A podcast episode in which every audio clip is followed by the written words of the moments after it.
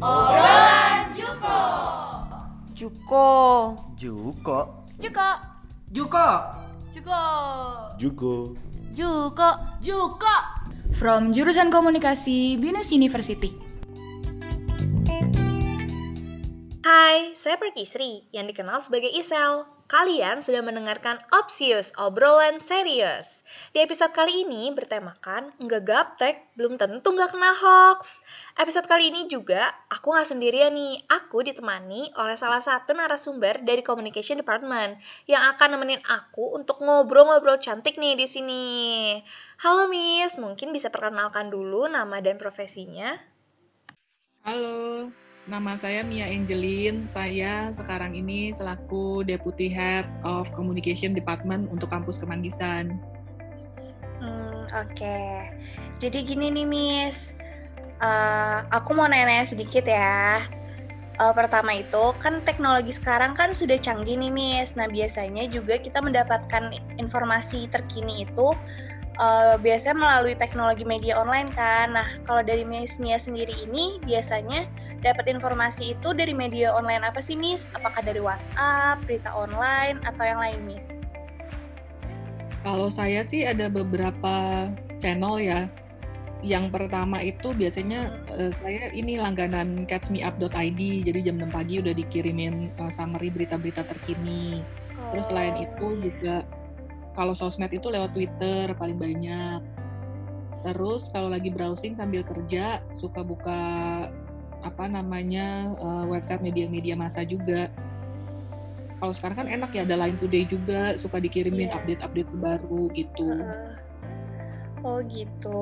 Nah, uh, dilihat dari Miss Mia itu juga kan bisa dibilang dosennya up to date nih, karena aku ngeliat Miss Mia tuh yang kayak update banget soal berita-berita juga, gitu. Nah, pastinya kan uh, Miss Mia juga nggak bakal kayak bukan tipe orang yang gaptek gitu kan akan teknologi.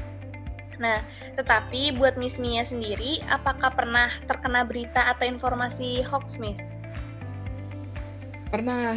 Nah, baru-baru ini, ini uh, baru malah semenjak masa virus corona ini kemarin sempat ada berita kalau uh, beberapa kota di dunia jadi bersih gitu kan terus yeah. ada lumba-lumba lah di uh, Venice gitu yeah. ada ikan-ikan balik lagi kan tadinya uh, kanalnya Venice kotor banget terus ada yang gajah mabok gitu hmm. tadinya sih percaya-percaya aja ternyata pas akhir-akhir uh, baru ketahuan ternyata itu hoax. Oh gitu. gitu. Berarti Miss Mia sempat percaya tuh ya? Ya sempat percaya. Jadi hoax itu ternyata nggak semuanya negatif. Ternyata hoax itu juga informasi yang positif kayak gitu juga bisa bahwa itu tuh hoax. Hmm, Oke. Okay. Uh, kal nah buat biasanya nih kalau dari Miss Mia itu di media online mana sih Miss yang sering menyebarkan berita atau informasi online gitu entah mungkin Miss lebih sering mendapatkan itu di WhatsApp atau di mana di WhatsApp sih sering banget pasti hmm. tapi saya itu nggak pernah percaya apa yang disebarin di WhatsApp hmm. buat saya kayak WhatsApp itu jadi media uh, jangan langsung dipercaya deh karena nggak jelas gitu yeah. siapa yang ngirim semuanya cuma forwatan-forwatan gitu. Kalau sosmed sih saya lebih suka Twitter. Karena Twitter masih menurut saya sih masih bisa lebih dipercaya. Iya benar sih. Nah kalau tadi kan di mananya ya Miss. Sekarang siapa sih Miss yang paling sering menyebarkan berita hoax atau informasi hoax uh, ke Miss gitu? Apakah kadang teman Miss atau dari grup keluarga kan biasanya itu paling banyak nyebarin berita hoax atau mahasiswa yang uh, Miss ajar kah? Kalau di saya hoax itu paling banyak di WhatsApp. Mm-hmm. Nah grup di WhatsApp itu kan macam-macam nih. Kalau dari mahasiswa mm. sih nggak pernah ya, uh, eh, yeah. jarang ada yang di grup WhatsApp yang aneh-aneh gitu yang nggak tertarik nggak berkaitan sama materi. Mm-hmm. Tapi yang banyak itu justru grup-grup yang lain, misalnya grup uh, profesi gitu, grup macam-macam deh. Gak, bukan keluarga juga, tapi justru grup-grup yang lain-lain yang sesama profesi, yang grup um, apa aja ya grupnya ada macam-macam sih. Nah itu tuh orang orang-orang itu asal ini aja, asal nge-forward nge-forward aja. cuma oh. untuk grup alumni alumni dari sekolah yeah, zaman yeah. dulu nah banyak juga tuh hmm. Nah, uh, sebelumnya kan tadi aku bilang kalau misalkan aku itu menilai Miss sebagai dosen yang nggak gaptek nih Miss dalam teknologi. Dan aku malah nggak nyangka kalau misalkan Miss tadi bilang kalau Miss tuh pernah terkena berita hoax kan. Nah, kalau boleh tahu nih Miss, uh, kok bisa sih Miss? Kenapa maksudnya kenapa Miss bisa uh, bisa terkena berita hoax itu atau kenapa Miss bisa percaya dengan adanya berita itu gitu padahal kan itu ternyata hoax gitu maksudnya mungkin ada menurut Miss ada kriteria kah tertentu kalau ternyata itu berita hoax itu yang sebenarnya hoax itu uh, kayak kenapa bisa kita percaya gitu Nah, biasanya sih berita hoax itu punya ciri-ciri dia pasti judulnya itu yang bombastis gitu loh. Mm -hmm. Yang judulnya kadang-kadang nggak -kadang berkaitan sama isi artikelnya atau ternyata kalimat yang dipakai di judul nggak lengkap. Iya, terus orang kan kebiasaan ya. cuma ya terus orang cuma screen cap uh, judulnya doang terus itu yang disebarin gitu padahal mungkin isi beritanya bukan tentang itu. Kalau yang kayak gitu sih saya biasanya nggak kena tuh saya udah saya udah bisa lah kayaknya nih hoax kayak gini hoax itu pasti kita langsung recheck dan recheck lagi Nah, yang kemarin yang berita positif itu kan beda ya bahwa uh, di tengah situasi sekarang ini yang tadinya hmm. berita uh, penuh uh, kesedihan gitu kan, kekhawatiran tiba-tiba ada berita positif jadinya kayaknya kita pengen percaya gitu di balik semua ini ada sesuatu yang positif. Nah, itu pun ternyata hoax gitu. Oh, gitu. Nah, dari Miss sendiri untuk menyikapi berita-berita hoax itu bagaimana, Miss? Um, yang pertama sih harus recheck terus. Jadi semuanya sekarang nggak bisa langsung dipercaya cuma dari satu hmm. sumber, harus dicek. Nggak bisa nggak double recheck. Terus yeah. Iya. uh, tadi saya bilang di WhatsApp itu jangan dipercaya deh. Yang kedua dari Facebook itu juga jangan dipercaya -hmm. deh, harus recheck lagi. Terus jangan pernah percaya kalau cuma dapat screen capture judulnya doang itu hmm. mendingan baca asli dicari dicari dulu uh, apa namanya beritanya hmm. terus dibaca sendiri kayak gitu kalau misalnya masih khawatir juga uh, sebenarnya udah ada tools tools sih untuk ngecek hoax itu benar apa enggak oh gitu, gitu. oke okay. Uh, kalau dari sudut pandang Miss Mia, apakah berita hoax itu termasuk hal yang merugikan atau tidak, Miss? Kalau iya, kenapa? Kalau tidaknya, kenapa? Pastinya lebih banyak merugikan ya. Contohnya -hmm. karantina ini kan banyak banget tuh hoax yang beredar, mulai dari yeah masker bisa pakai tisu basah lah, uh -huh. terus minum rempah-rempah itu bisa uh, apa namanya menjaga imun tubuh kan itu belum terbukti gitu kan uh. yang ada kan orang-orang pada rebutan gitu langsung yeah. habis deh tuh mana terus begitu tahu misalnya um, apa yang kemarin beredar itu daun sirih lah yang aneh-aneh gitu itu kan belum uh. belum pasti belum benar jadi orang yang langsung percaya aja pasti pasti berpengaruh negatif sama mereka sih mungkin mereka jadi lebih ketakutan lebih Parno bisa muncul uh, kebencian gitu.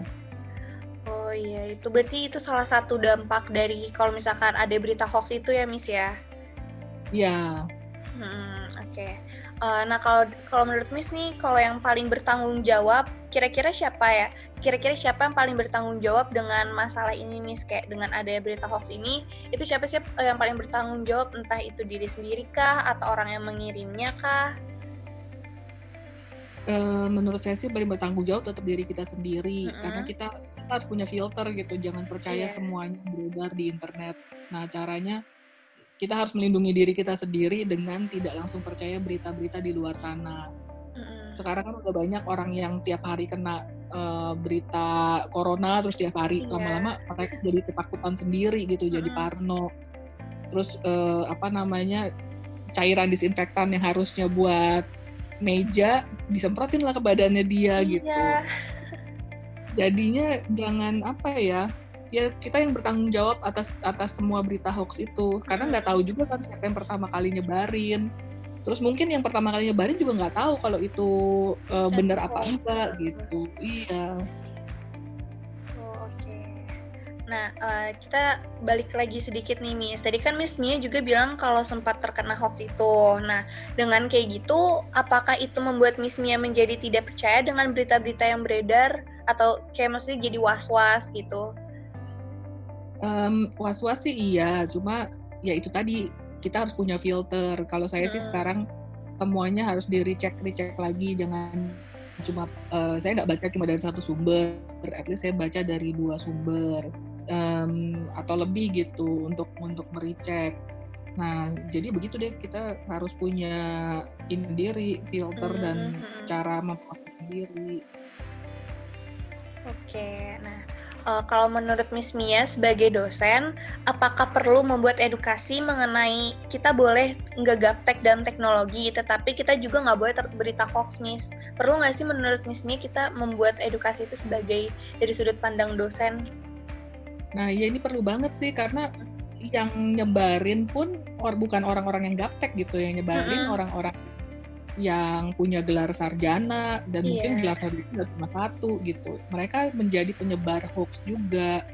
Terus eh, mereka juga bisa kena hoax itu dan bisa kena dampak negatif hoax itu. Jadi orang-orang yang gak gaptek ini malah bisa jadi penyebar dan korbannya gitu. Harus jadi harus ada eh, apa namanya edukasi khusus. Hmm, iya ya. Berarti untuk yang generasi muda ini juga eh, kan mereka malah mereka itu yang nggak masuk ke kategori mereka tuh nggak mungkin kalau nggak gaptek kan ya eh nggak mungkin kalau mereka gaptek ya Miss ya. Mereka kan Iya, pasti nah, canggih dalam teknologi. Iya, Mungkin orang yang kan hoax itu beredar di teknologi kan yang paling Iya. cepat. Nah, pemakainya adalah orang-orang yang tidak gaptek gitu. Oh oke, berarti eh, yang generasi muda ini juga mungkin yang lebih dikhususkan untuk eh, kita memberikan edukasi ke mereka kali ya Miss ya. Iya, benar. Gitu, Oke, yang terakhir nih Miss, eh, boleh nggak sih Miss eh, memberikan tips-tips sedikit eh, agar tidak terkena hoax secara gampang gitu? Pokoknya lihat dulu judulnya. Judulnya ini kayak clickbait apa enggak. Mm-mm, Terus yang nyebarin itu kamu kenal personal atau dia cuma forward-forward aja. mm-mm. Kan kalau di sosmed gampang tuh bisa kelihatan ini forwardan atau bukan. Terus tadi kalau ada screen capture cuma judulnya doang itu udah juga mencurigakan. Sama kalau ada foto dicek juga karena foto itu salah satu yang paling banyak dijadikan hoax gitu.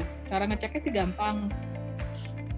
Kalau foto bisa pakai Google, kan Google juga bisa nyari foto tuh. Kita Mm-mm. bisa upload foto untuk dicari Iya. sama Google.